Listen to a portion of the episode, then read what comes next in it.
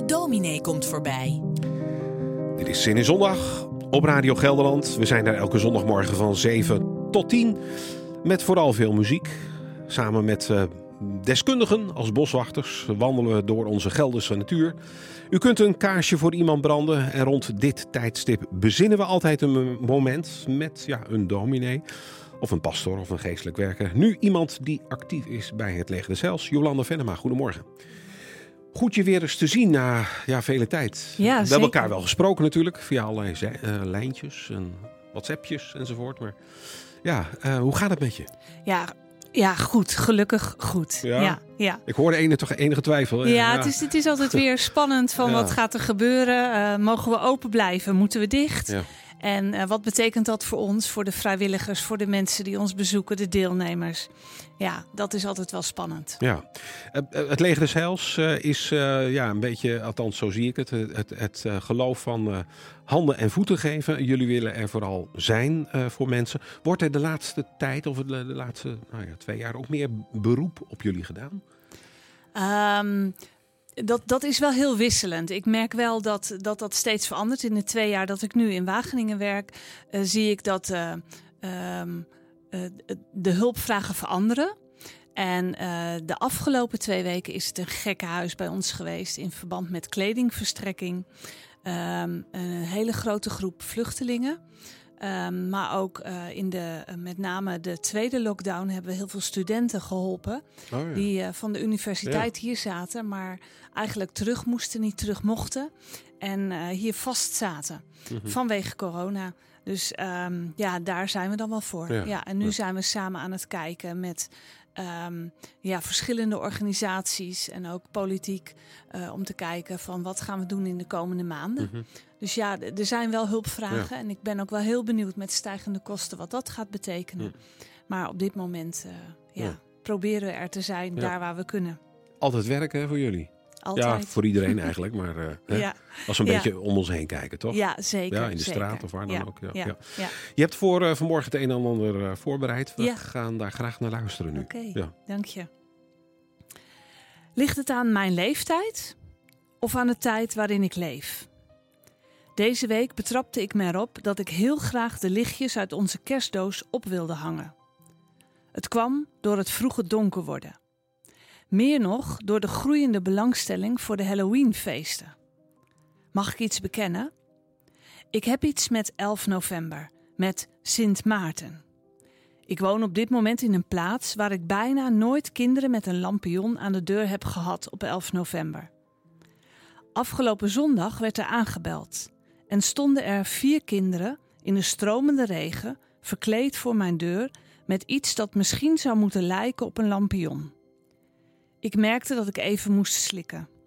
Het deed een beetje pijn en voor ik het wist zei ik: Ik vind Sint Maarten eigenlijk leuker. Ja, ik zeg dit met schaamrood op mijn wangen. Je kunt zulke kinderen, nat van de regen, toch niet met lege handen wegsturen? Heb ik ook niet gedaan hoor. Snoep was er niet in huis, want ik begreep van een van de oudste van de kinderen dat dat de bedoeling was als zij mij Happy Halloween wenste. Dus ik vroeg of een mandarijn ook goed was. Het heeft me de hele week bezig gehouden. Ik wil graag leuke lichtjes, mooie lichtjes. Lichtjes die iets in zich dragen van een boodschap. Vol passie heb ik me gestort op het lichtjesfeest dat we organiseren in Wageningen op 10 november. En op de Ik steek een lichtje voor je aan ontmoeting, die ik graag wil organiseren op 21 november, waar het voor de kerken de eeuwigheidszondag is. Licht. Ik wil lichtjes in het donker laten branden. Meer dan ooit lijkt het wel dit jaar.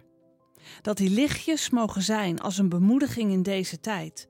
Dat we ons zorgen maken om de stijgende besmettingscijfers en de stijgende kosten van levensonderhoud. Wil ik dat Martinus van Toors deed wat hij deed en voor hem het begin werd van een ander leven volgen. Hij koos ervoor soldaat zonder wapens te zijn en zonder bezit. Hij ging zijn bezit delen. Hij gaf het weg aan hen die het nodig hadden.